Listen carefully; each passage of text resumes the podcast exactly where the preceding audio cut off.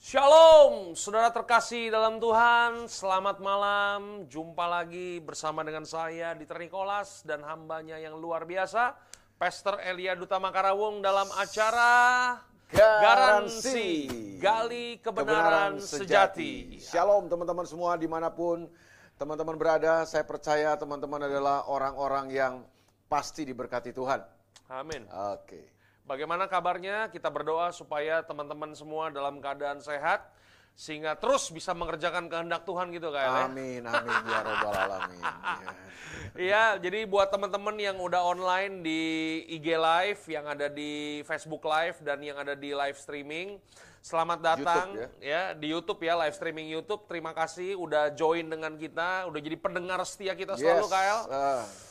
Jadi buat teman-teman, ya ini sedikit pemberitahuan dulu nih Kael ya, Eh, bahwa yang ada di Instagram Live, yang ada di Elia Duta Makarawung dan Dieter Nicholas, itu cuma satu jam aja Kael. Ya, jadi Ya. teman-teman yang ada di IG eh, mesti eh, lihat-lihat ya. Lihat-lihat Ya. ya, kalau udah Durasi, mati ya, durasi. kalau udah mati langsung masuk lagi Kael. Masuk lagi ya. Langsung masuk lagi supaya bisa eh, mengikuti sampai akhir Sampai pengajaran akhir, kita ya. malam Jadi hari ini. sampai akhir ya. Siap.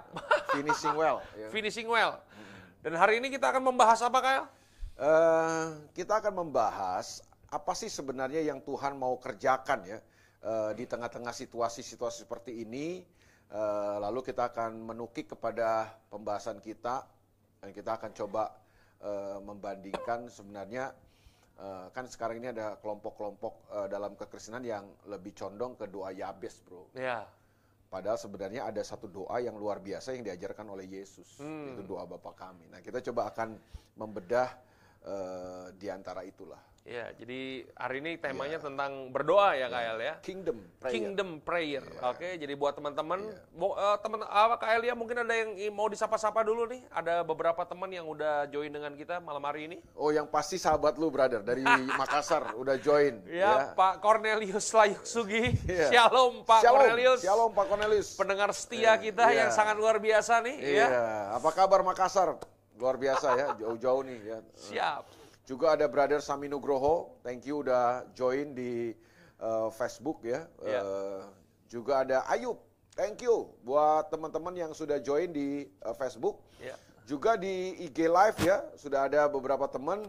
Ada Ayu, Ayu juga nih kalau dari Makassar nih bro ya. Ayu Eh, Ulam Sari Ulam itu ya? Sari dari Oke. Makassar. Thank Oke. you yuk udah eh, join eh, sama kita malam ini.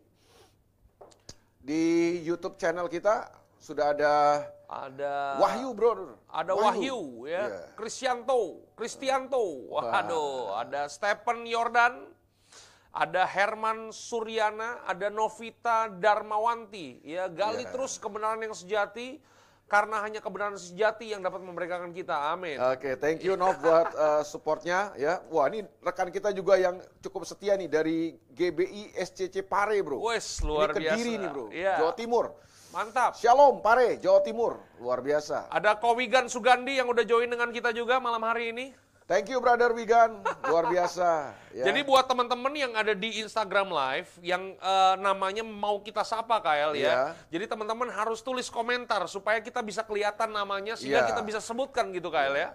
Karena ada banyak sekali kalau cuma sekedar menyaksikan banyak sekali. Jadi kita Iya. kadang-kadang nggak bisa menyapa, tapi kita sebenarnya kepengen menyapa ya teman-teman Iya. semua ya. Supaya kita bukan sekedar eh, diskusi, tapi kita juga ada hubungan ya. Iya, Ada kita hubungan, bisa saling iya, mengenal satu dengan saling yang lain. mengenal, ya. Setuju. Oke.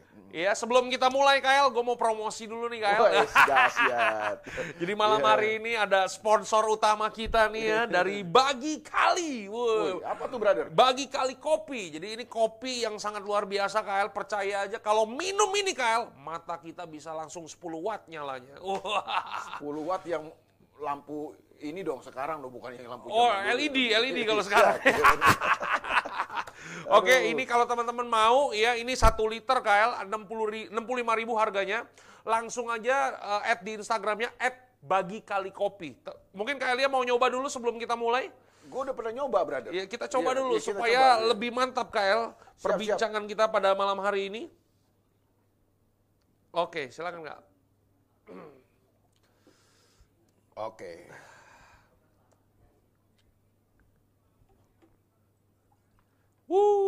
Wah dahsyat nih kayaknya nih. Coba kita tos dulu ya. Racikannya. Mantap. Seruput dulu kopinya. Ya kan? Hmm. Terasa. Keren bro nih rasanya nih bro. Keren, kopi. Juara banget nih. Pahitnya dapat banget Iya. ya. ya ada Pak Hardi, Kindangen, Shalom KL katanya. Di Manado nih, brother. Dari Manado ya. Waduh. Shalom brother. Thank you udah join ya. Brother Har- Hardi Kindangen. Iya. Ada Herman Suryana, maju terus garansi, salam luar biasa. Thank you ya. Ada juga Pak Willy Ponto. Wah ini sahabat kita ya. Pendengar Luar setia biasa. kita yang sangat luar biasa. Di Iya. Instagram lu Kal ada beberapa teman tuh yang udah gabung. Ya ada brother Gideon Makaraung. Wah ini luar biasa nih. Eh, thank you buat eh, supportnya. Ada Medi Manopo brother. Medi Manopo. Sahabat lu juga. Pendengar setia yang sangat luar biasa. Ini dari, Dari Makassar juga ya? Manado, bro. Oh Manado, siap. Salam kerajaan. Salam Dahsyat. kerajaan. Ini kingdom banget nih kayaknya. Kingdom dia. banget sih, Ya. kan? Ada Bernard Teddy juga dari Makassar. Thank you brother Bernard Teddy. Ada Roni eh, JRT. Wah, dahsyat. Katanya asik banget tuh kopi. Wah. Keren bener, brother Roni mesti coba nih. Kopi ini keren banget nih. Enak banget. Enak banget pokoknya. Pahitnya dapat, wah sehingga malam hari ini kita Iya. bisa semangat untuk kemudian diskusi tentang berdoa, Iya. kingdom prayer ya KL ya. Dahsyat luar biasa.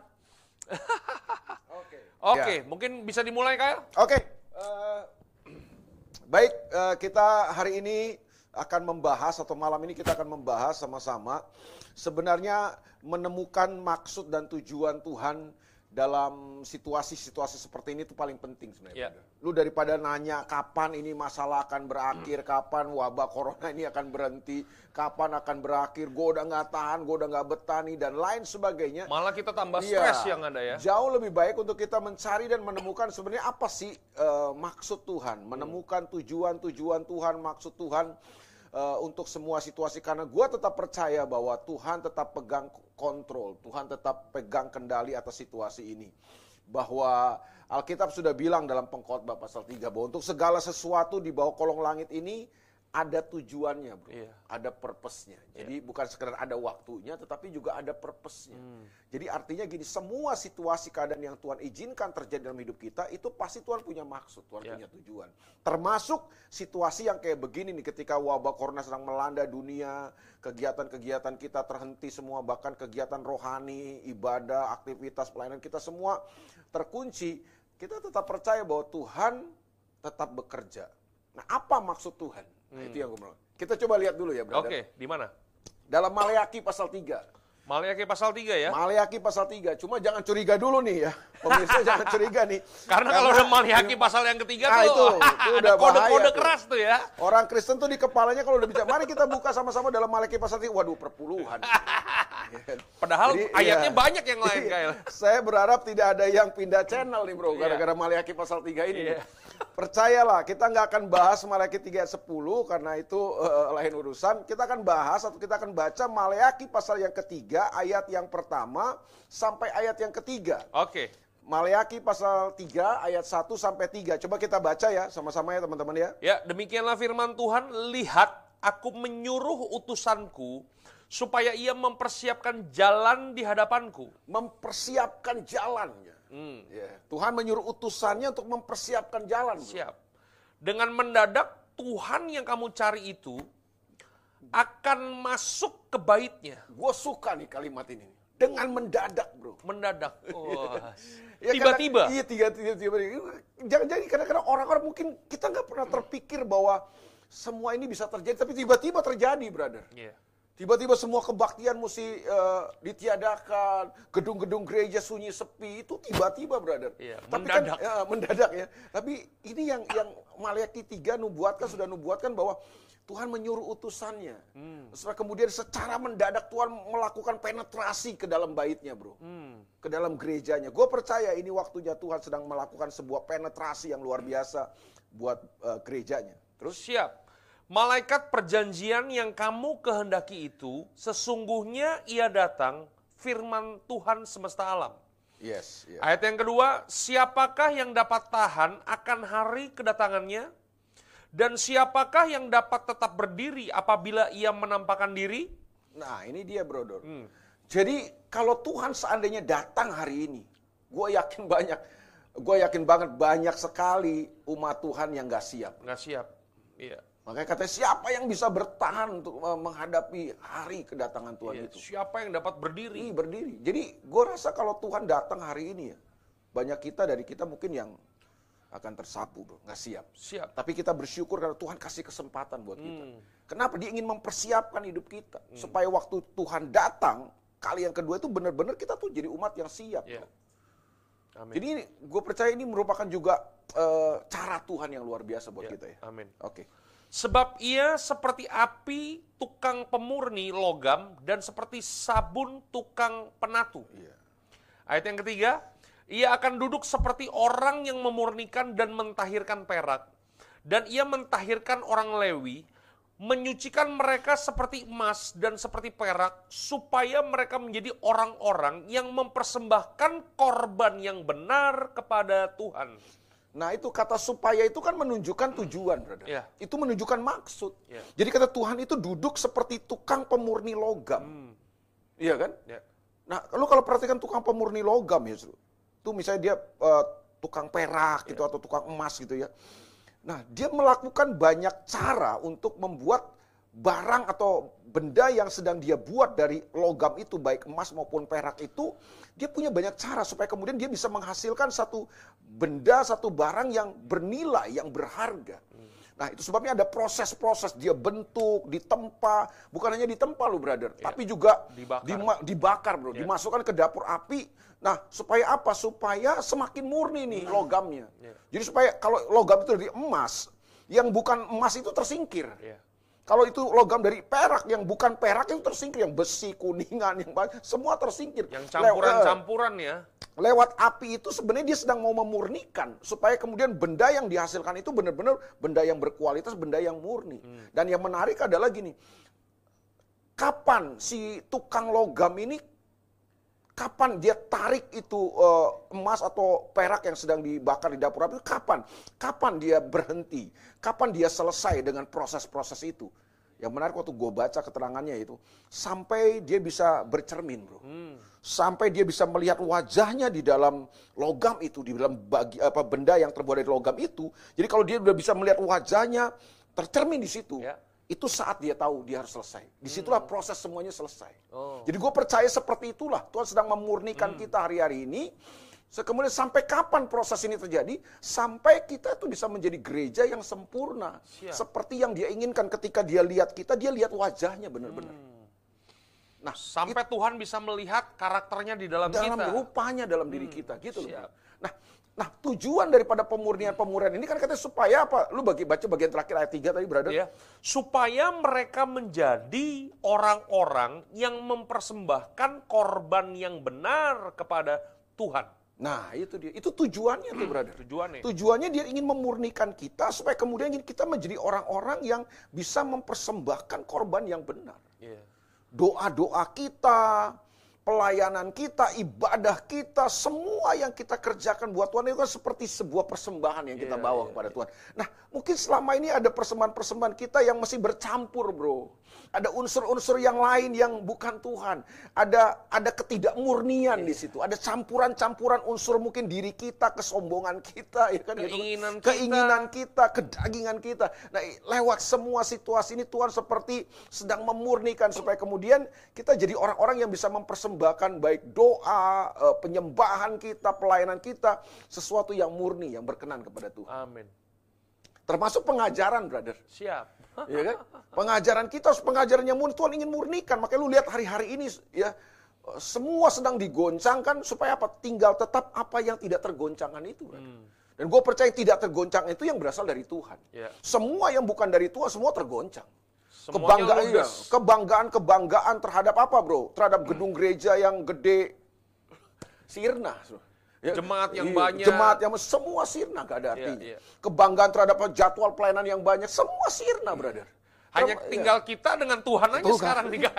Bagaimana kita harus benar-benar mengandalkan Tuhan dan berpusat hanya kepada Tuhan Iya. dan termasuk pengajaran-pengajaran yang aneh-aneh itu yang kata lu bikin semua apa aja lah Tuhan mengasihi lu Tuhan menerima lu apa adanya lu mau bikin salah juga ya lagi lagi viral juga nih Iya, ada iya. nih kan lu bikin salah Tuhan juga lupain lah gini segala macam gitu kan Iya. semuanya kasih karunia semua sudah ditanggung Lu semuanya sirna apa mau ngomong apa sekarang pengajaran-pengajaran itu mau bicara apa hari ini Hmm.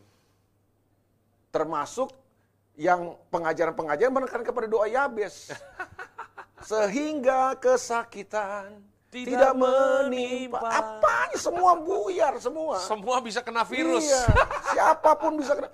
Di mana kesaktian doa Yabes itu akhirnya Iya, kan? iya. Kita terlalu mengagung-agungkan itu. Makanya buat gua harusnya kita kembali lagi kepada apa sih yang Tuhan mau ajarkan buat kita.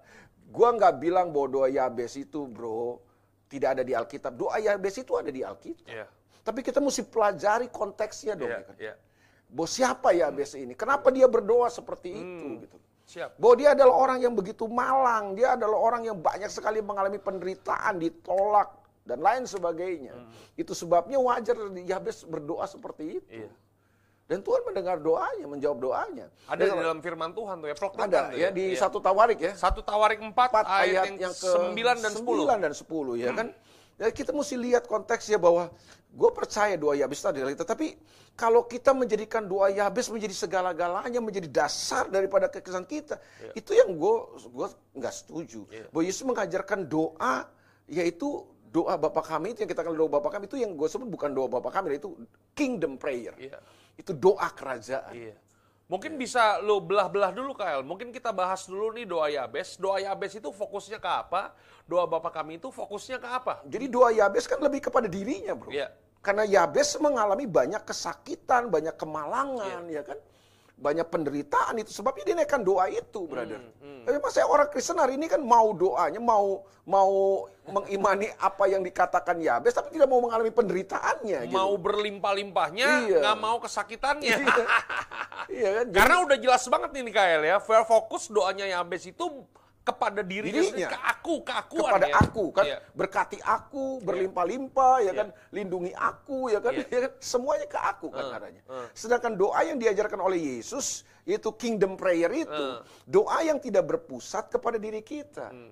Doa yang berpusat kepada kehendak Tuhan karena kata kunci daripada doa yang Yesus ajarkan adalah Bapa kami yang di surga dikuduskanlah namamu datanglah kerajaanmu jadilah Ya, kehendakmu di bumi Seperti seperti, di sorga. Jadi kingdom prayer yang Yesus ajarkan adalah doa yang berpusat kepada kehendak Tuhan. Supaya kemudian melalui doa-doa kita harusnya adalah kehendak Tuhan yang terjadi. Iya.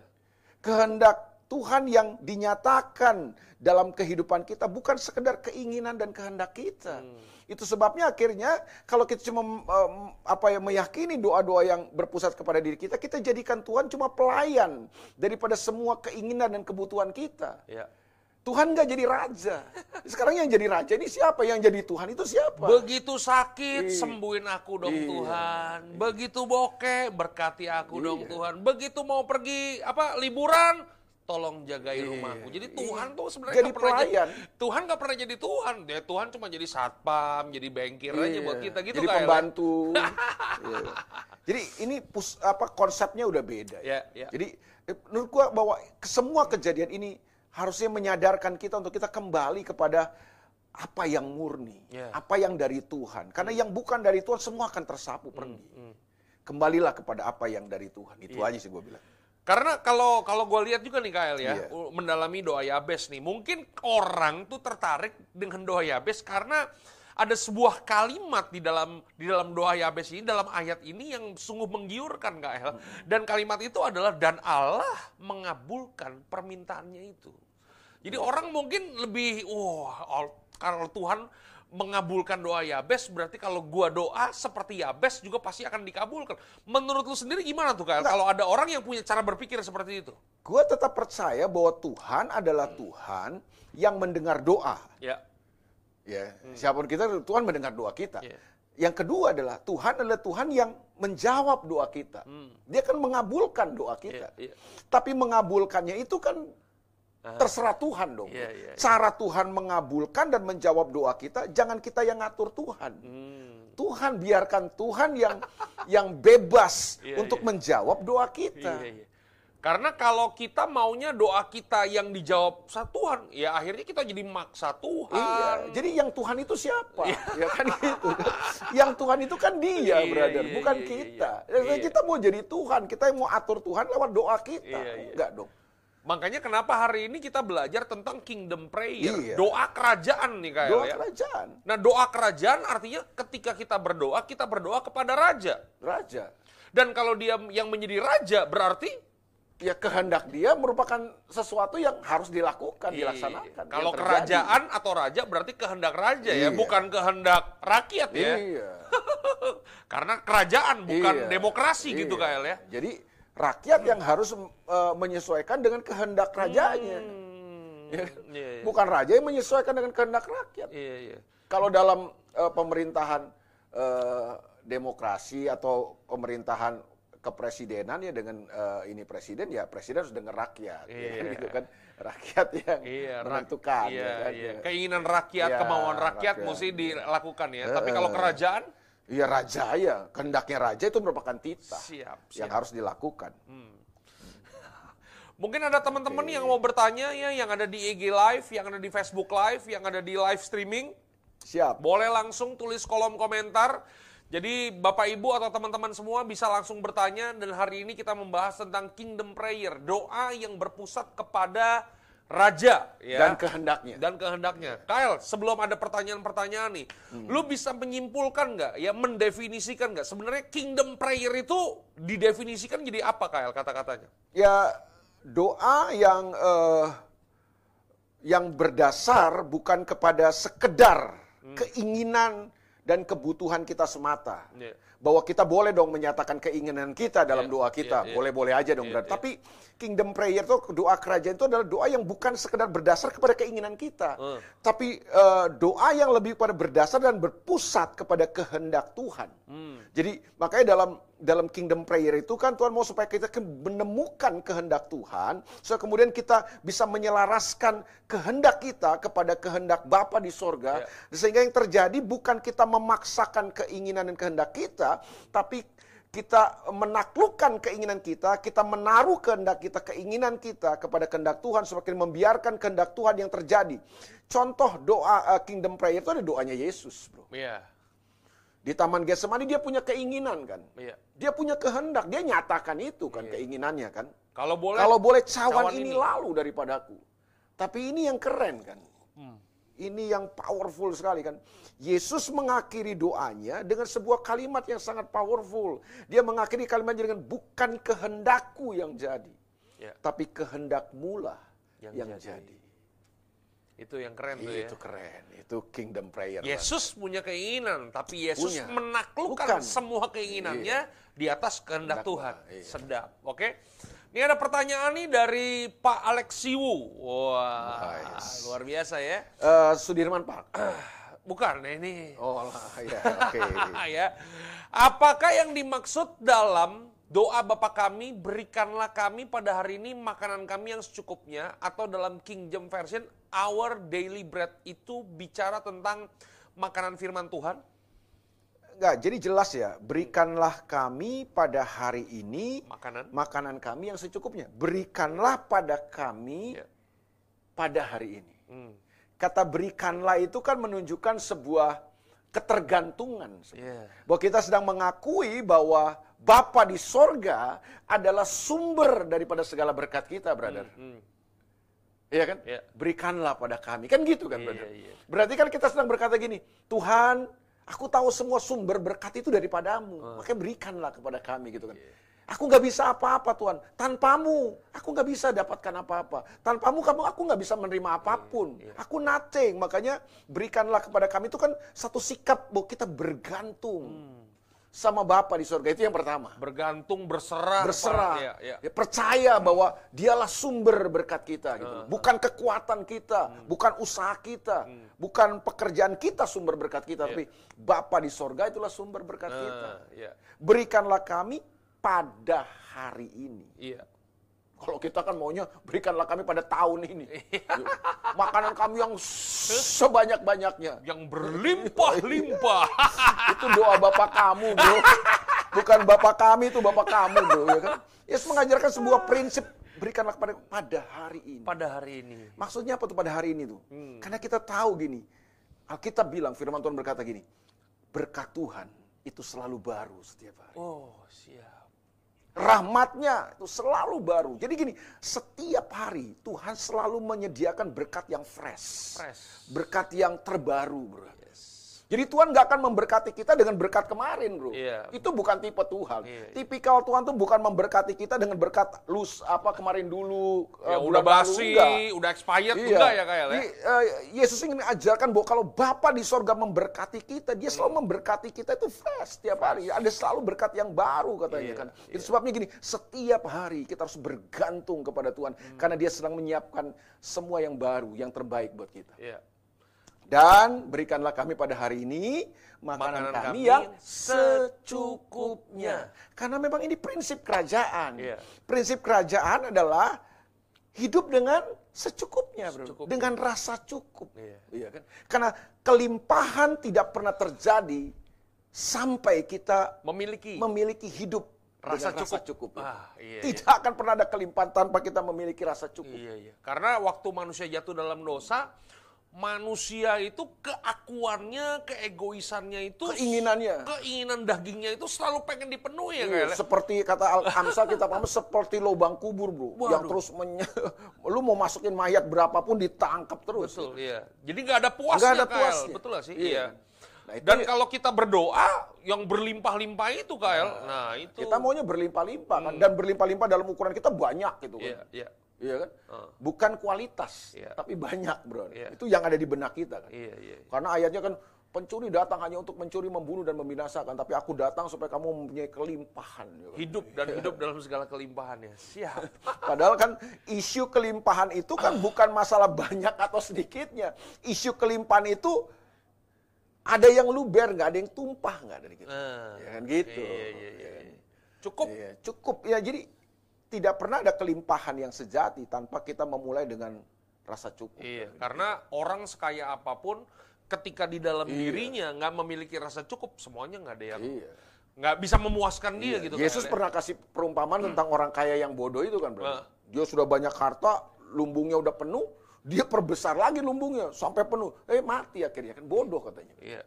Justru harusnya Tuhan mau ini prinsip kerajaan. Waktu kamu punya lumbung, dipenuhi lumbungmu, salurkan harusnya. Itulah yang berkelimpahan. kan gitu. Ah, iya. Jadi bukan berapa banyak yang kau miliki, tapi berapa banyak yang kau bisa bagi. Itu kelimpahan. Ah, iya, iya.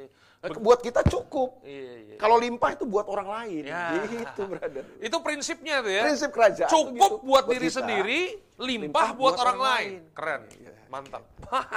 Mungkin begitu ya Pak Alexiwu ya, biar Siap. supaya Pak Alexiwu bisa memahami nih apa maksud dari berikanlah kepada kami Iya. makanan kami pada hari ini secukupnya gitu ya. Ada juga pertanyaan dari IG Live nih ya, Gerald Alvaro, Kaelia. Gerard mau nanya, kenapa harus dikatakan jadilah kehendakmu? Bukannya kita hidup karena kehendak Tuhan. Justru karena kita hidup karena Kehendak kehendak, Tuhan, makanya kehendak Tuhan itulah yang perlu terjadi. Iya.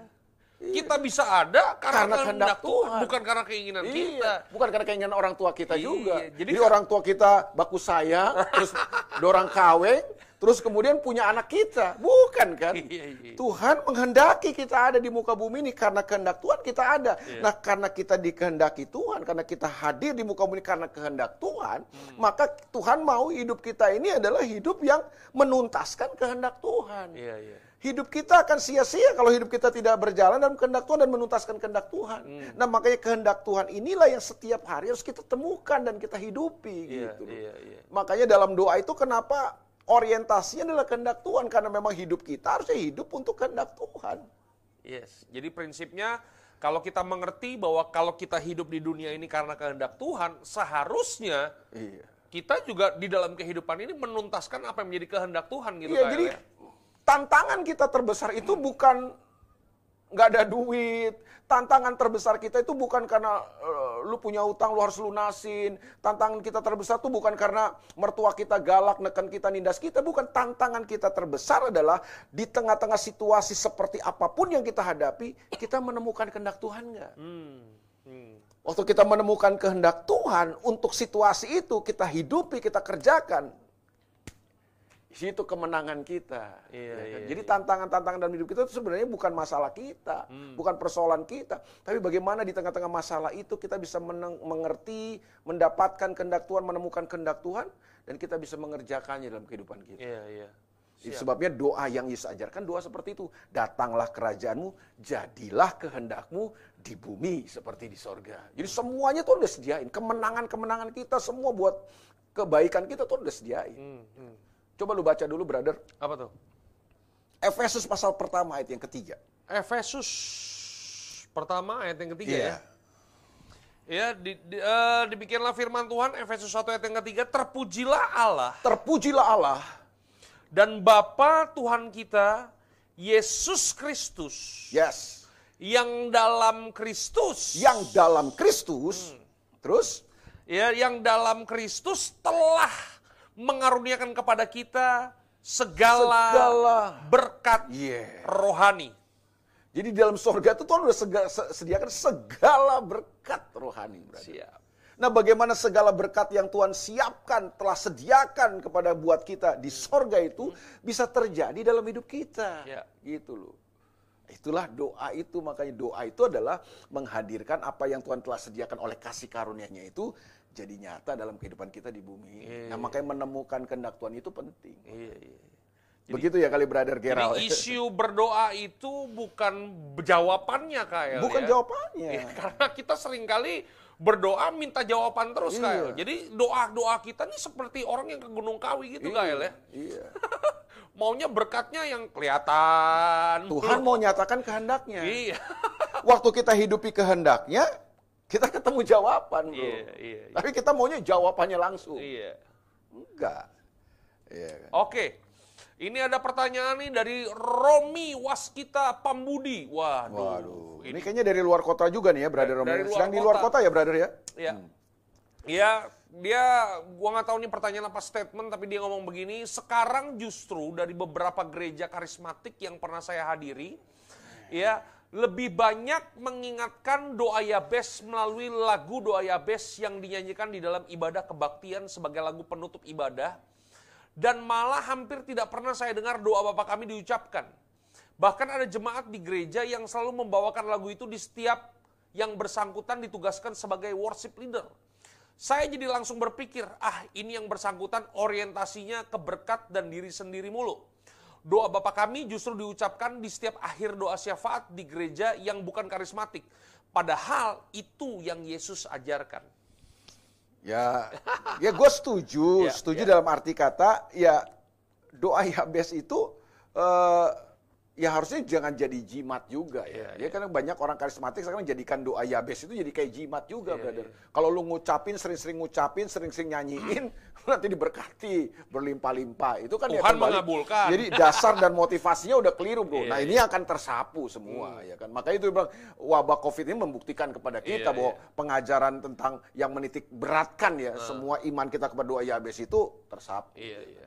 Tapi juga eh, buat gua juga doa Bapa kami bukan sekedar doa yang harus dihafal terus tiap ibadah kita ucapkan jadi kayak mantra juga kan Iya. akhirnya kan Bukan. Memperlakukan doa Bapa kami Iya. sebagai mantra. mantra jadinya. juga akhirnya Iya, kan iya. jadi bukan itu sebenarnya bagaimana kita menghidupi Iya. doa berapa kami itu prinsip-prinsip yang ada di dalam doa Bapa kami itu kita hidupi dalam kehidupan Jadi doa kita. Bapa kami itu sebagai gaya hidup. hidup bukan hafalan Iya, iya. Bukan sebuah kredo yang diucapkan Jadi berdoa kingdom prayer itu juga bukan doa-doa agama, ritual-ritual Iya. gitu ya Bukan sekedar ya? Bapak kami yang di surga dikuduskan namamu datanglah kerajaanmu jadi oh, itu udah kayak oh, sim sim tali lima lima sim sim sim dalam sama kayak mantra ya.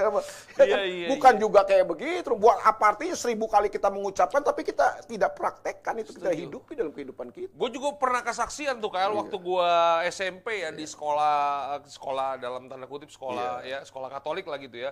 Jadi setiap kali mau belajar tuh Kael ada itu doa Bapa kami, doa salam. Tapi hanya sekedar Hafalan. hafalan. Iya. Nggak jadi apa-apa. Tapi biarlah doa Bapa kami ini kemudian menjadi gaya hidup, Hidup, sehingga iya. kingdom prayer itu bukan hanya sekedar ritual tapi menjadi Iya. sebuah lifestyle. Gitu ya. Ya, shalom. Oke, ada pertanyaan lagi nih dari wah, ini dari best friend kita nih. Pak Cornelius Layuk Sugi, Pak El. Dalam situasi COVID-19 sekarang ini, wah nih, Mazmur 91 dijadikan jimat. Ini kan doa Musa yang sama dengan doa Yabes. Apakah begitu, Pak? Ya kalau kita pelajari Mazmur 91 itu kan ya kan jadi eh, pemazmur atau penulis eh, surat apa kitab Mazmur 91 ini tadi membandingkan bahwa orang benar ada orang fasik ya kan. Nah, kesudahan orang fasik itu jelas. Nah, orang benar itu ada perlindungan. Kita tetap percaya dong ada perlindungan Tuhan buat kita kan Ya. gitu loh. Karena buat orang percaya begini, buat orang percaya itu mati itu bisa aja dengan Covid, kecelakaan pesawat, ya kan, tenggelam di laut, ya kan, mati itu bisa caranya apa aja kan gitu kan, kan isunya bukan matinya, bukan cara matinya, ada yang ketabrak mobil matinya, bahkan rasul-rasul Yesus Kristus matinya ngeri-ngeri brother, iya kan, ada yang dipenggal Digoreng. kepalanya, ada yang digantung, ada yang disalib kepala di bawah. Tapi kan isunya bukan cara matinya. Ya. Cara mati bisa apa aja. Tapi isunya adalah kita bersama dengan Tuhan. Karena Paulus berkata, hidup itu eh, mati adalah untung, hidup adalah bagi Kristus. Hidup Kristus, mati untung. Iya, iya, iya. Jadi yang penting adalah kita tetap bersama dengan Tuhan. Hidup bersama dengan Tuhan, mati bersama dengan Tuhan. Iya. Jadi menurut saya Mazmur 91 boleh-boleh saja kita pegang, kita percayai. Saya juga nggak mau me- menyalahkan orang-orang yang memegang Mazmur 91, tapi juga jangan terlalu lebay, akhirnya dijadikan sebuah jimat. Kita tetap percayalah, firman Tuhan itu eh, berkuasa, saya Iya. percaya. Kita kita juga eh, percaya itu. Tapi mari kita gunakan semuanya dengan dengan benar, dengan secara ya penting motivasi kita sebenarnya. Dasar kita ini memegang firman Tuhan ini apa Iya, kan iya, gitu loh. Nah, berhubung dengan bagaimana motivasi kita memegang firman, gue mau masuk ke pertanyaan selanjutnya. Ini statement selanjutnya dari Pak Lambert Mandagi, ya Iya. kan? Karena dia bilang begini, banyak gereja akhir hari ini mengajarkan itu teologi kemakmuran, Gael.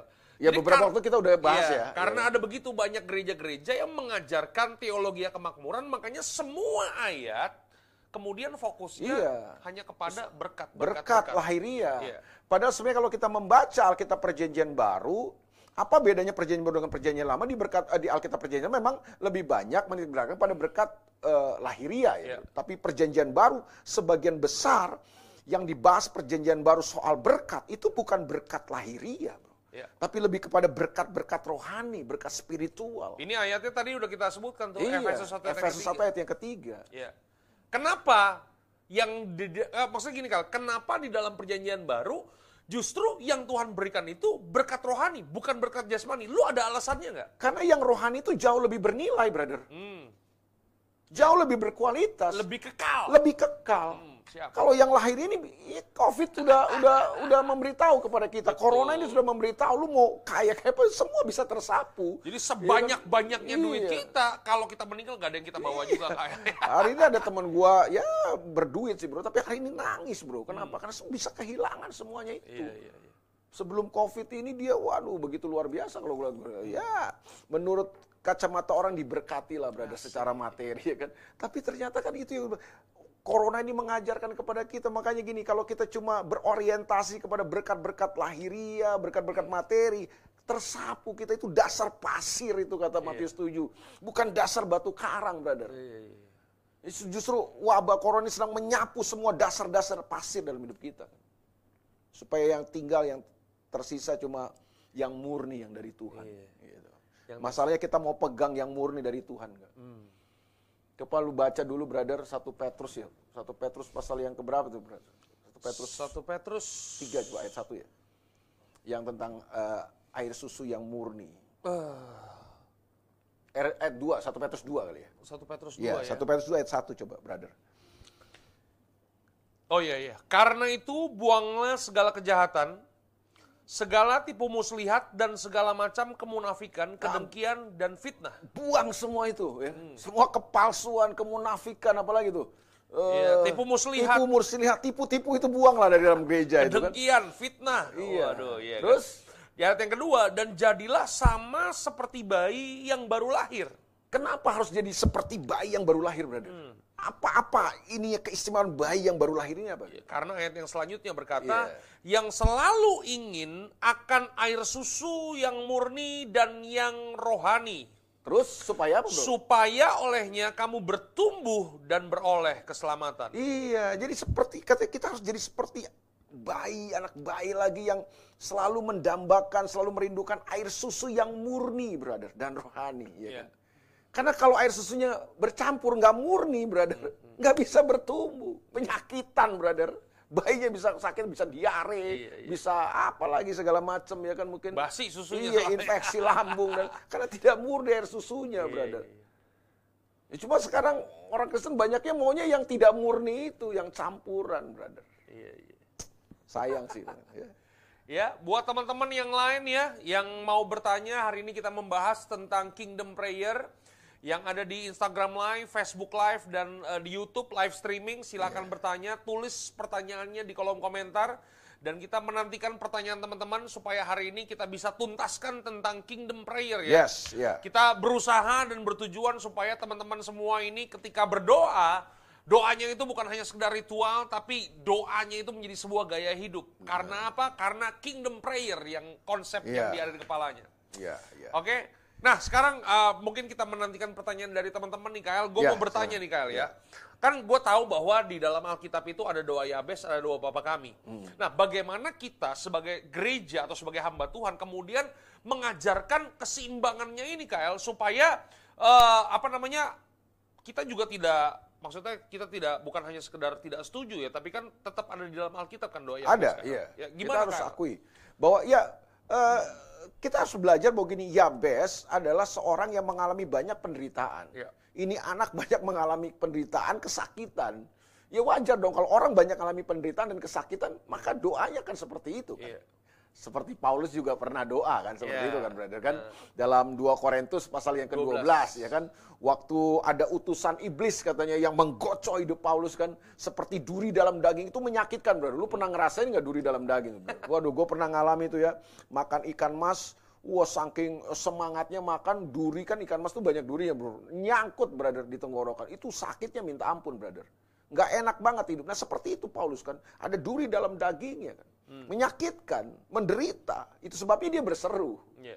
Ya kan dia berdoa kan. Dia berdoa. Sampai tiga kali bro. Dia berdoa supaya Tuhan cabut duri ini. Itu manusiawi kalau berdoa. Iya. Itu wajar saja. Heeh. Sama seperti Paulus berdoa seperti ya Yabes karena dia mengalami penderitaan, kesakitan terus menerus kita dia ditolak oleh eh, yang lainnya. Maka Tuhan melihat ini orang kasihan gitu kan. Kan Tuhan itu kan Tuhan yang penuh belas kasihan. Makanya ketika Yabes menaikkan doa itu, Tuhan mengabulkan doanya. Hmm. Itu kan konteksnya. Tapi waktu Paulus berdoa juga cabut Tuhan duri dalam ini, Tuhan juga menjawab doanya. Iya. Tapi menjawabnya dengan cara yang tidak seperti yang Paulus Inginkan. inginkan.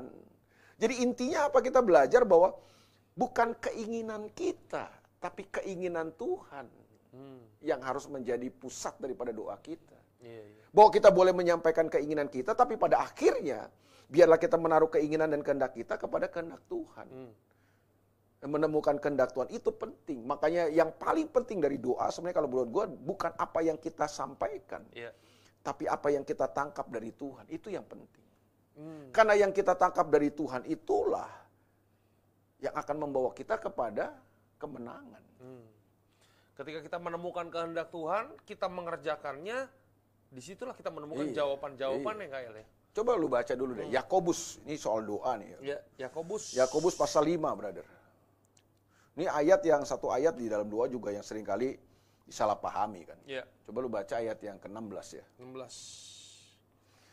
Yakobus pasal 5 ayat 16. Oke.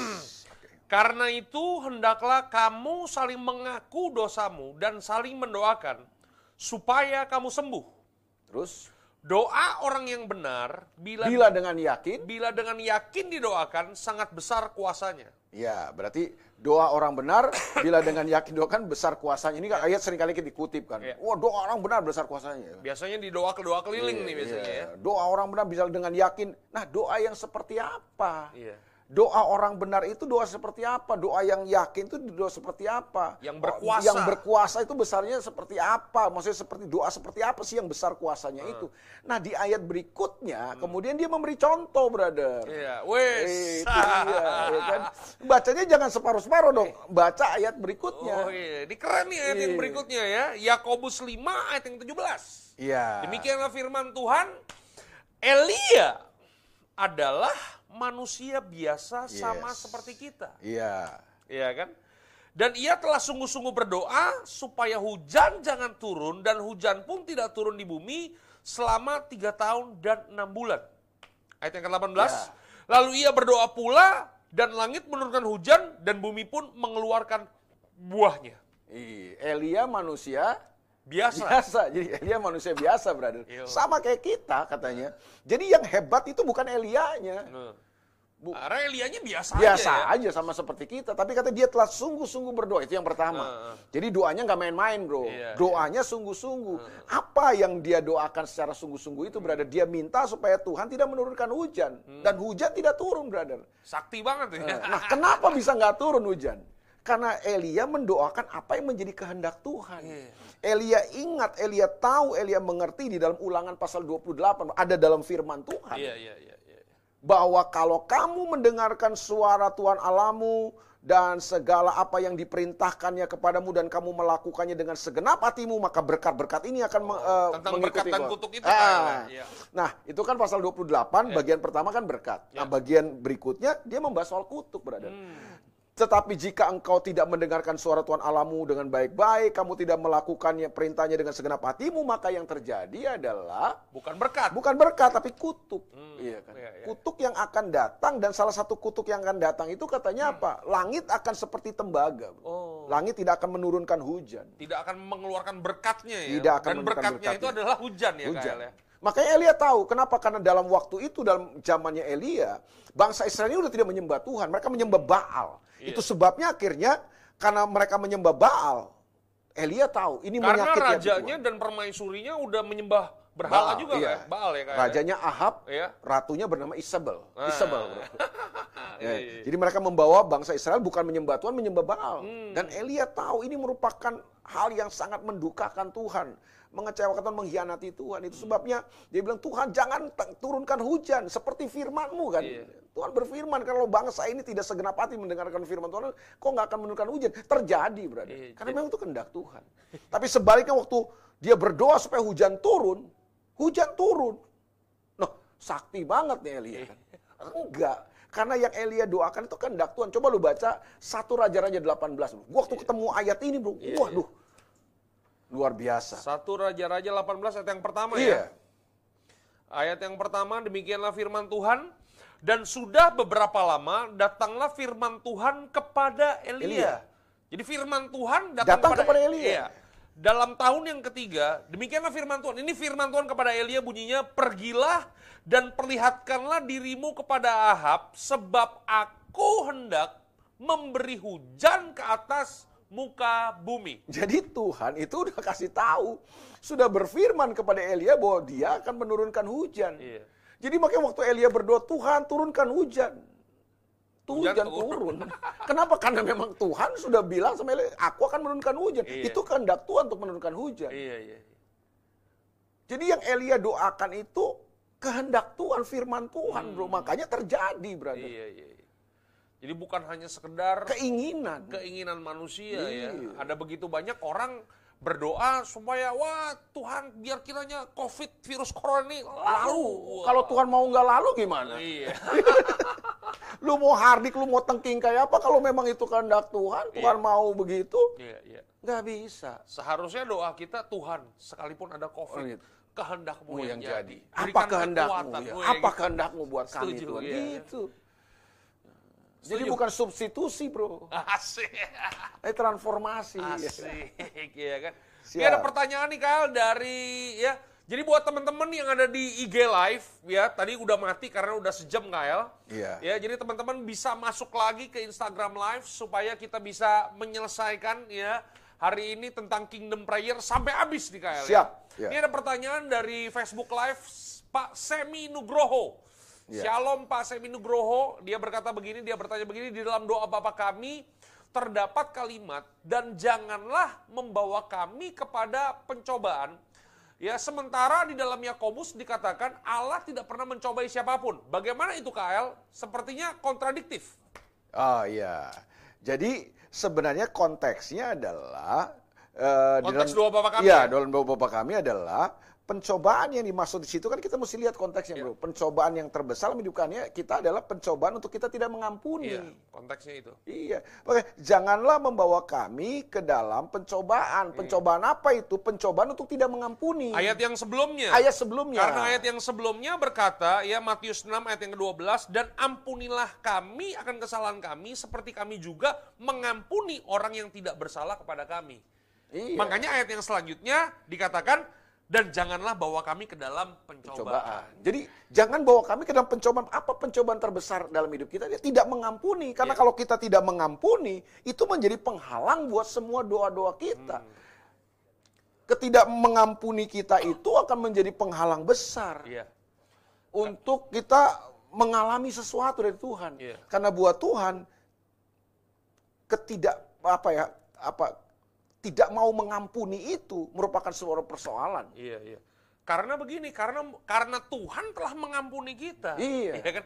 Masa Tuhan mengampuni kita, ada orang yang bersalah kepada kita, kita, nggak mau mengampuni. ya kan gitu kan kita nggak adil banget kan Iya, iya. padahal itu keadilan Tuhan kan gitu Iya, makanya dia kasih perumpamaan kan Iya, pernah iya, kasih iya. perumpamaan Tuhan Yesus kan ada seorang yang berutang kepada raja Iya. ya kan lalu kemudian karena dia nggak mampu untuk membayarnya raja ini membebaskan dia Iya, dari iya, dari uh, hutangnya kan Iya, eh baru dia keluar habis dapat pengampunan dari Ada raja orang yang utang sama hutangnya dia. iya iya, iya, iya. ada orang yang utangnya nggak seberapa bro, Iya, iya. tapi sama dia dicekek lehernya, dipaksa, disuruh bayar gitu kan. Wah Tuhan, eh, rajanya ngamuk, rajanya marah waktu dengar itu kan.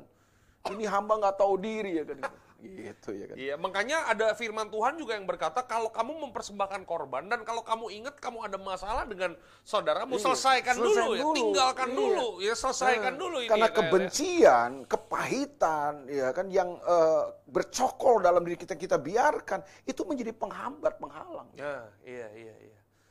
Makanya doa Iya. kerajaan salah satunya adalah kita harus Kita baca ya, kita Iya, baca iya, sama-sama iya, ya. iya, iya. Ibrani pasal yang ke-12.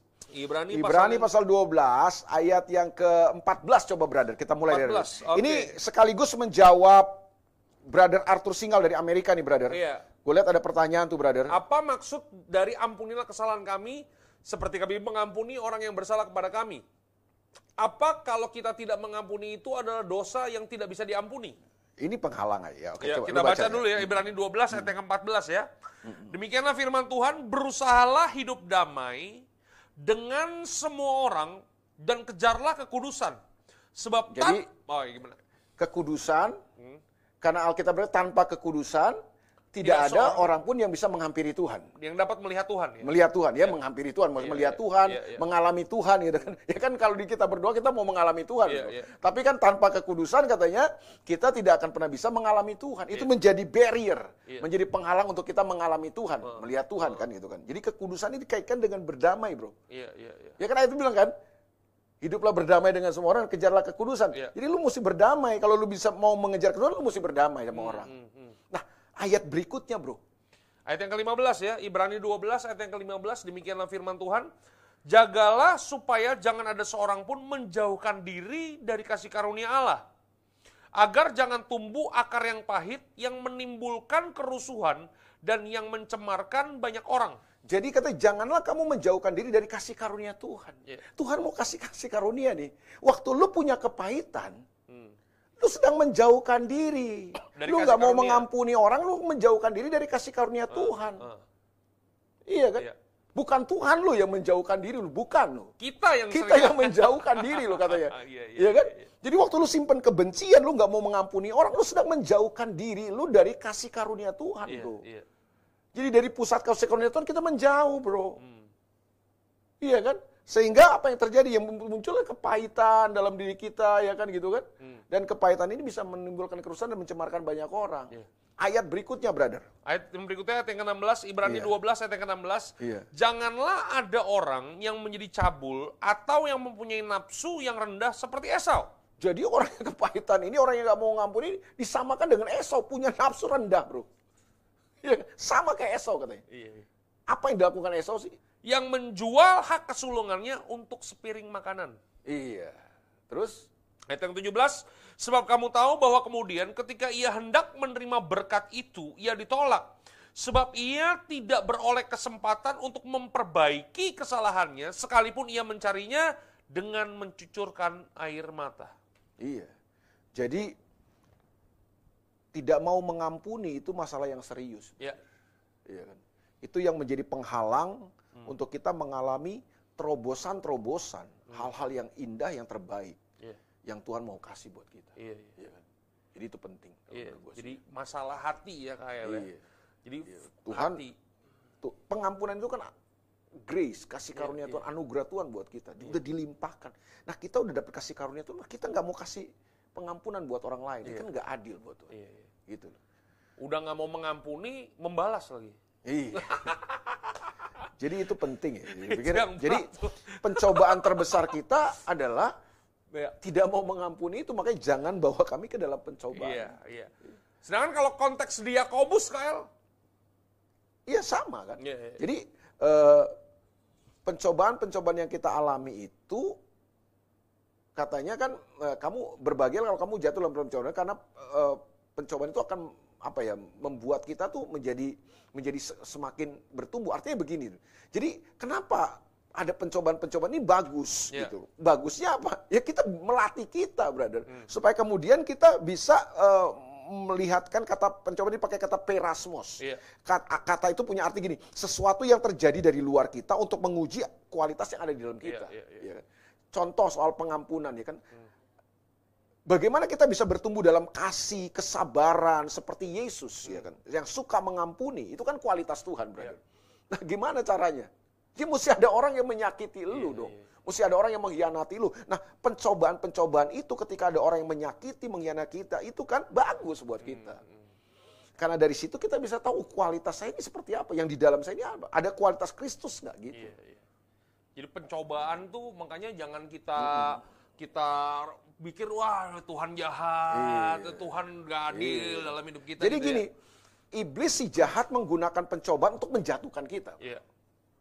Jadi tujuan pencobaan dari si jahat itu untuk menjatuhkan kita kan. menghancurkan, Menghancurkan kita. Iya. Tapi Tuhan menggunakan, menunggangi Iya, iya. pencobaan yang diberikan oleh iblis ini untuk meningkatkan kita. kita. Iya. Karena ayatnya jelas nih Kael dalam Yakobus 1 ayat yang ketiga dan ayat yang keempat Iya. ya. Gue bacain dari ayat yang kedua deh ya. Saudara-saudara anggaplah sebagai suatu kebahagiaan apabila kamu jatuh ke dalam berbagai-bagai pencobaan. Ayat yang ketiga, sebab kamu tahu bahwa ujian terhadap imanmu itu menghasilkan ketekunan dan biarlah ketekunan itu memperoleh buah yang matang supaya kamu menjadi sempurna dan utuh dan tidak kekurangan suatu Iya. apa pun. Jadi pencobaan itu bukan dari Tuhan, setuju. Ya, Tapi setuju. Pencobaan itu kan datang daripada si jahat Iya. kan. Nah, pencobaan itu tujuannya apa oleh si jahat? Dipakai untuk menghancurkan, menjatuhkan kita. Hmm. Tapi Tuhan menggunakan pencobaan yang dari si jahat ini untuk menguji kita, bro. Iya. Untuk memberitahu bahwa sebenarnya di dalam kita ini menunjukkan di dalam kita ini kualitas seperti apa. So, dia menjadi menjadi sarana, menjadi alat untuk kita bisa melatih kedewasaan kita, Iya. karakter Kristus semakin bertumbuh. Iya, Kalau nggak ada ini, bro, ya susah. Bagaimana caranya kita mau sabar? Bagaimana kita caranya kita mau mengasihi, mengampuni?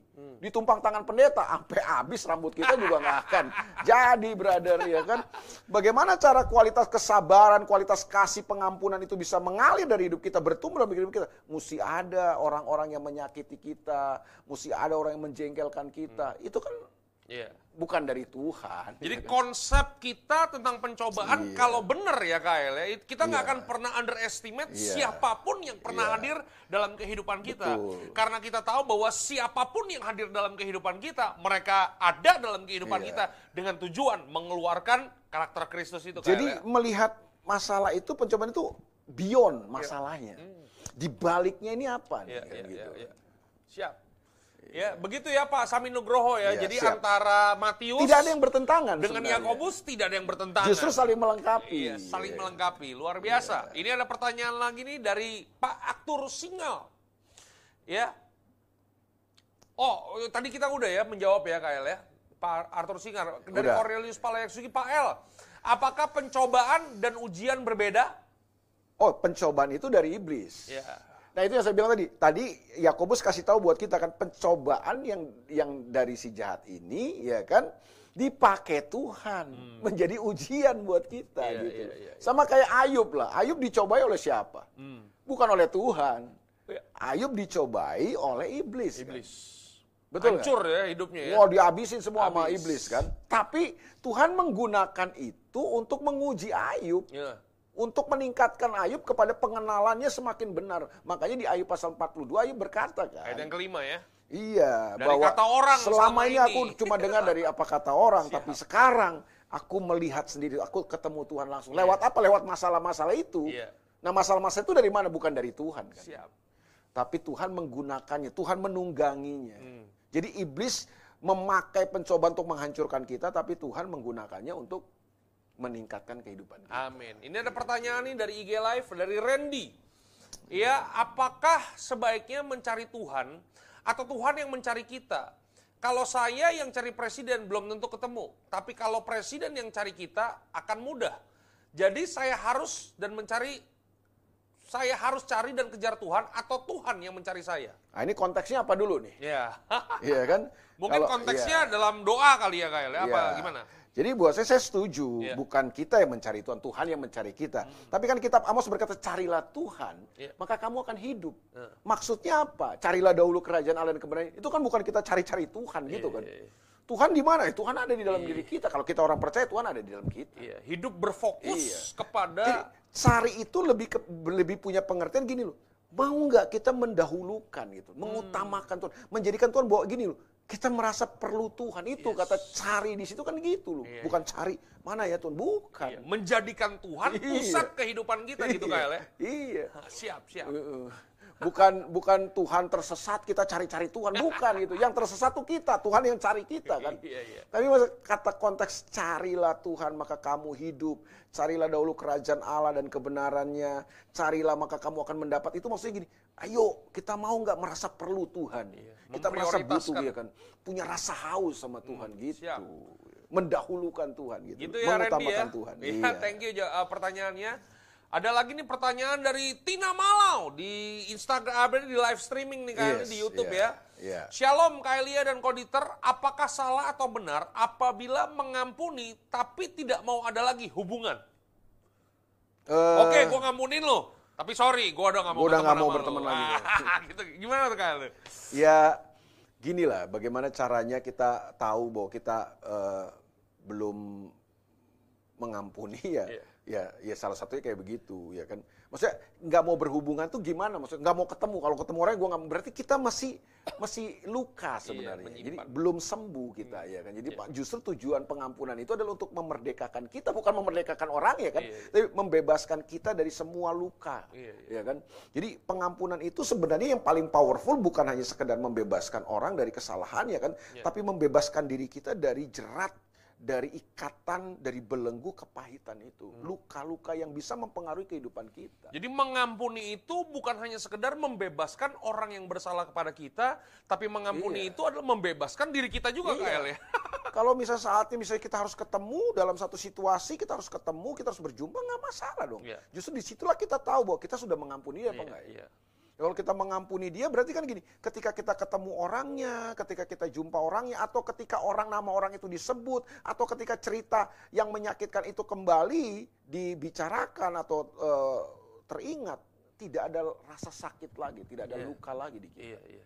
Nah itu kita udah mengampuni. Mungkin dalam proses penyembuhannya nih Kael, Iya. mungkin untuk menghindar dulu dalam waktu kurun waktu Ya, sementara, ya lah. relatif itu Kael gua ya. gini, Gue bukan begini ya, bukan berarti kita harus melupakan kan. Hmm.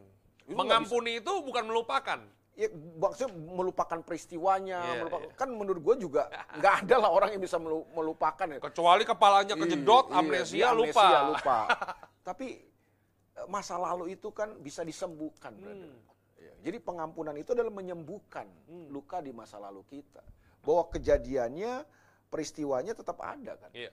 tetap ada di memori kita. Tapi waktu kita mengingat peristiwa itu atau kita dikembalikan kepada peristiwa itu, nggak ada rasa sakit lagi. Kita Iya. nggak terluka lagi. Iya, iya. Kita justru bisa melihat Tuhan di dalam peristiwa itu. Itu. Jadi salah satu ukuran Iya. kalau benar-benar hati kita sudah mengampuni adalah ketika kita berjumpa dengan orangnya, wah udah tidak ada rasa sakit lagi. Itu ya ukurannya KL ya. iya. Siap. Iya. Gitu Tina Malau ya.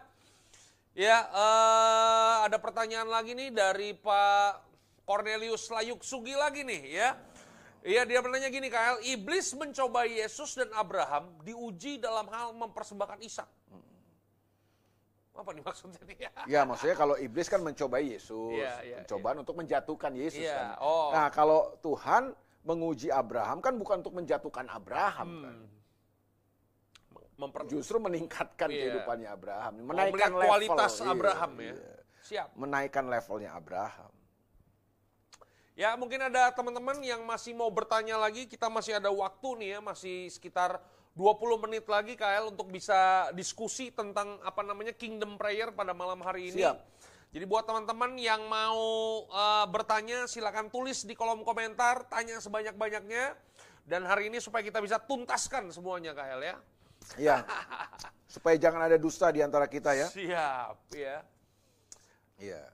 Belum ada pertanyaan nih KL, mungkin gue bertanya dulu dah KL lah. Silakan silakan brother. Ya KL, gue mau bertanya. Bisa nggak sih kita salah berdoa? Eh, salahnya salah kata-kata Hmm, atau salah Fokus. fokus. Salah fokus. Ah, yang bahaya itu yang salah fokus. Kalau sekedar salah kata-katanya, brother, Iya, iya. itu sih buat gua nggak prinsip. Nggak ya, prinsip ya. Yang karena prinsip- karena jujur aja KL Iya. ya, waktu dulu kan gue bukan Kristen ya, dulu dari agama yang lain. Kemudian ketika gue bertobat masuk ke, eh, ke- masuk ke ag- ag- agama Kristen gitu KL, Iya. gue ngelihat orang Kristen tuh kalau berdoa tuh, waduh, itu kalimat-kalimatnya bisa indah-indah KL ya. Iya. Dan sedangkan waktu gue praktekkan, kayaknya gue nggak bisa seindah itu KL, karena, Karena- sering kali begitu. Eh, Yesus bilang kan, Hmm. doa itu terletak bukan keindahan bahasanya. Hmm.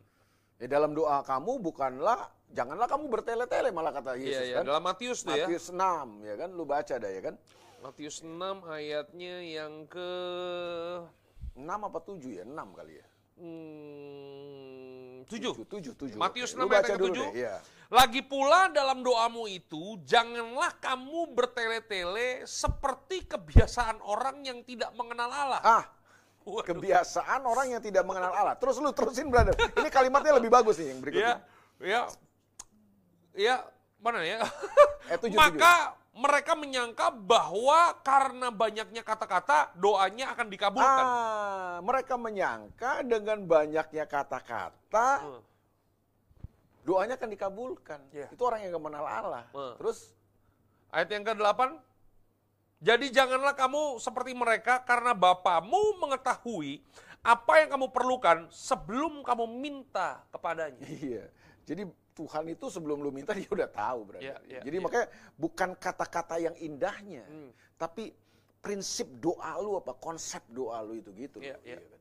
Lu datang dengan sebuah hati yang seperti apa gitu. Hmm. Itu penting. Iya, jadi jangan bertele-tele ya. Iya. Iya, jadi kalau masalah itu Kyle gimana Kyle yang salah berdoa? Ya, maksudnya salah kalimatnya maksudnya. Salah fokus sih. Jadi kita Oh. fokus Ya jelas dong. Jelas Kalau- ya. Justru coba lu baca dah Yakobus pasal 4 dah. Yakobus pasal 4. Yakobus pasal 4 ayat yang ke berapa coba lu cari brother yang bahwa kita berdoa juga tapi kita nggak ngalami apa-apa doa kita nggak ada hasilnya kenapa karena doa kita cuma berpusat kepada Ayat yang ketiga. ya Atau kamu berdoa juga tetap atau kamu berdoa juga jadi berdoa juga brother Iya. orang-orang ini berdoa brother bukan nggak berdoa bukan ya. nggak berdoa berdoa Tetapi kamu tidak menerima apa-apa karena kamu salah berdoa. Nah itu salah berdoa Salah berdoa. apa Sebab yang dimaksud dengan salah berdoa sebab yang kamu minta itu hendak kamu habiskan untuk memuaskan hawa nafsumu. Eh, jadi salah berdoa itu bukan karena salah kata-katanya Iya. bro Salah fokus. bisa lah ya kesreolida bisa lah bro ya kan, ya kan tapi lebih kepada salah berdoa itu lebih kepada gini lu salah fokus Salah fokus, Iya salah kan? fok. iya fokusnya cuma kepada diri sendiri Iya. kan? Nah, itu dia Ya Iya kan? keakuan itu tadi ya, Keakuan, Kyle, iya. ya. Alkitab udah jelas nih. Udah jelas, Ya iya. salah berdoa, ya kita nggak menerima Iya. apa-apa. Makanya kenapa kita sering kali rajin doa, tapi kayaknya tuh kita mentok dalam doa-doa kita karena salah. Oke? iya Ada yang lain pertanyaannya?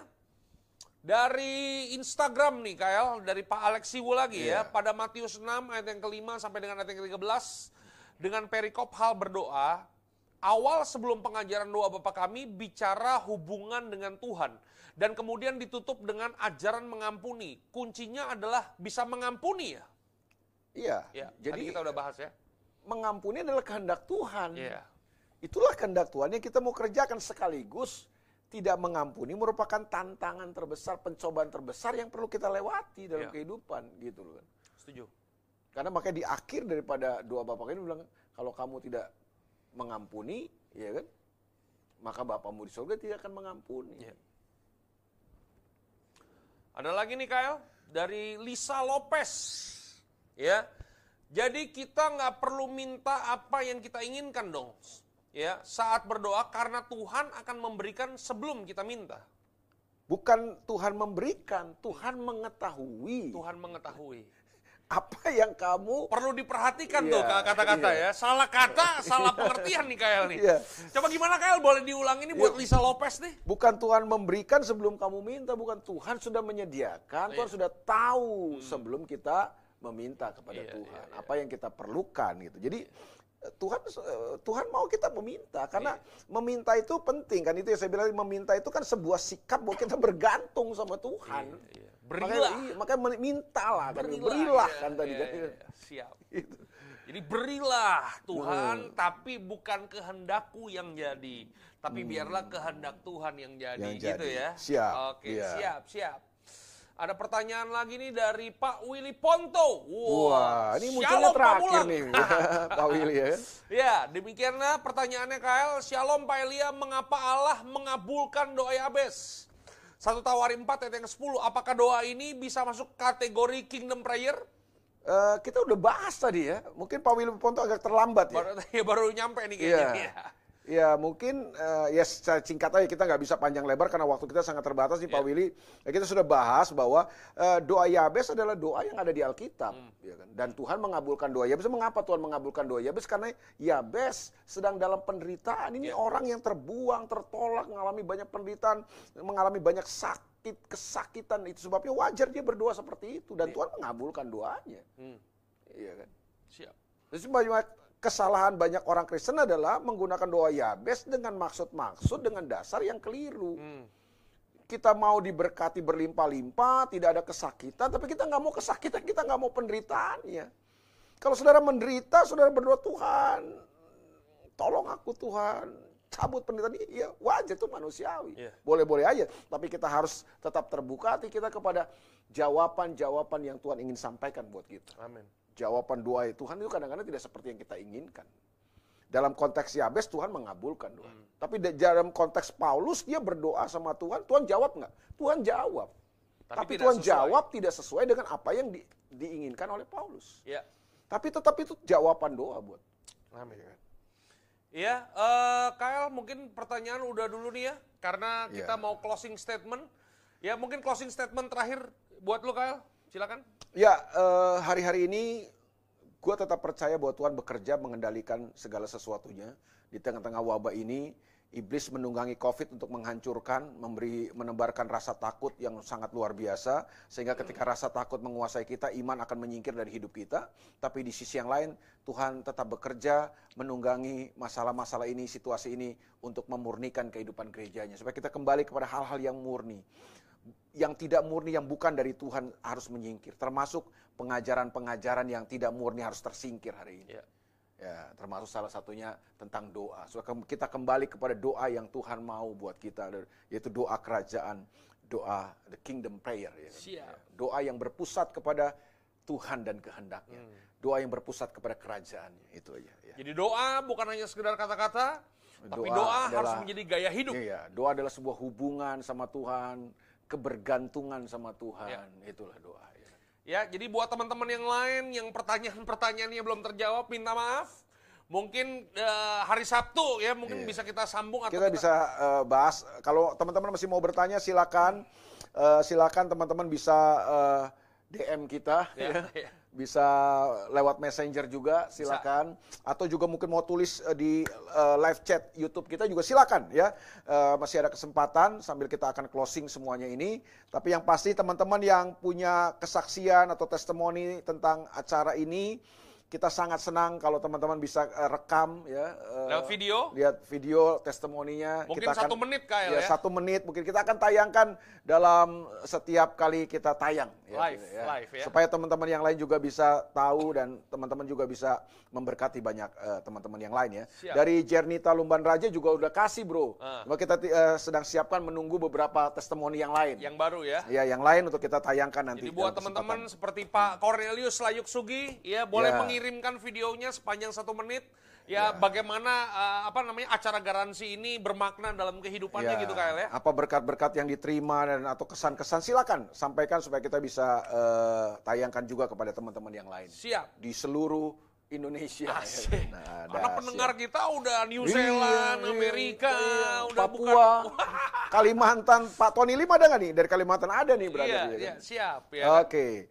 Di akhir kita akan menyapa teman-teman Kita sapa teman-teman yang udah Iya. join kita hari ini. dan jangan lupa seruput kopi, brother. Kopi apa, brother? Bagi kali kopi. Wah, nikmat banget nih kopi nih. Nikmat. Ya, mungkin kita sapa-sapa teman-teman yang udah join dengan kita hari ini. Waduh, ada Ciko Rantung. Ciko Rantung, shalom. Eh, Stephen Jordan dari Kalibata nih, brother. Siap. Novita dari Cibubur. Thank you ya semua. Eh, siapa lagi? Eh, Herwan Suryana. Iya. Ada Wahyu Kristian Kristianto, ada Pak Willy Ponto. Wah, haleluya. Ronald Janata, Aryo, Pak Aryo dari Bekasi, Ibu Ri- Sri Lestari Munadi, Rika Sanis, Raymond Oi dari Ambon, Ambon. setia juga nih brother, pemirsa ya. Gerald Alvaro, Fanny Paendong, thank you. Yana 31 brother. Yana 31, Iya. haleluya. Theo, thank you. Alexi Wu, Tony Lim, wah ini tetap setia berarti dari Setia, Kalimantan ya. brother ya kan. Perwakilan Sugandi ada ya. juga. Halo, Siap, shalom. ya. Ini eh, brother Jeremy Boy, thank you dari Surabaya brother. Oh, ini rekan haleluya. kita ya. Lia dari Bandung, thank you Lia udah join. Wah, Sampan, Samuel Panjaitan dari Bintaro. ya kan. Hari ini dia nggak nanya nih brother. Iya, biasanya penuh dengan pertanyaan ya, Iya. Kyle, ya. Arteka Furniture, wuh ada furniture juga. Besok-besok kita bisa pakai nih furniture-nya nih Iya, brother. bisa ya kan? kita endorse. Iya. Eh, Lilo Desi Paa, thank you. Marle, thank you. Lisa Lopez, Excel, Sandi Nathaniel dari Madiun, thank you. Pak Lambert Mandagi, Aaron Tina Malau, thank you. Alexander, Arthur Singal dari Amerika, nih eh, pemirsa kita setia juga dari jauh. Eh, Yuni, Yuni, thank you Yun. Kak Yuni, God bless you. Ya, Rafael udah sehat ya pasti ya. Oke, Ibu Rosana Anwar, wah ini setia juga nih brother. Haleluya. Eh, terus ada, Tanrere, ada Kingdom nih Kyle. oke. ada Hineni Randy, ada Elvando Hugo, Rocky Taga. Wah, iya nih. Ada nih kakak kelas gue ini di Tawang Mau nih, Charles Sirait. Wis. Haleluya. Apa kabar brother Charles? Luar biasa. A- Lama nggak jumpa lagi? nih. Mary Wawelenko. Mary George, Walewangko bro. George Iya. Luki, Gustaf Rawung, Jernita Lumban Raja, Shanti, Monangin. Dan kita nggak bisa sebut terlalu banyak saudara. Satu persatu buat semua teman-teman. Mohon maaf kalau misalnya nama saudara ada kesalahan penyebutan Ya. karena eh, kita eh, nggak hafal ya semuanya. Tapi terima kasih buat semuanya. Eh, silakan terakhir pesan lu apa brother? Eh, pesan terakhir adalah kita mesti mengerti prinsipnya Kael bahwa ketika kita berdoa cukup buat kita, Iya. limpah buat orang lain. Amin. Haleluya. Cukup buat kita, limpah buat orang lain. Jangan lupa di screen capture ya langsung di mention ke nama kita Siap. supaya bisa kita reply. Reply, ya. Oke? Tuhan memberkati. God bless you. Salam kerajaan. Salam kerajaan. Sampai ketemu hari Sabtu, Sabtu. dalam acara Garansi Gali Kebenaran Sejati. God bless, you.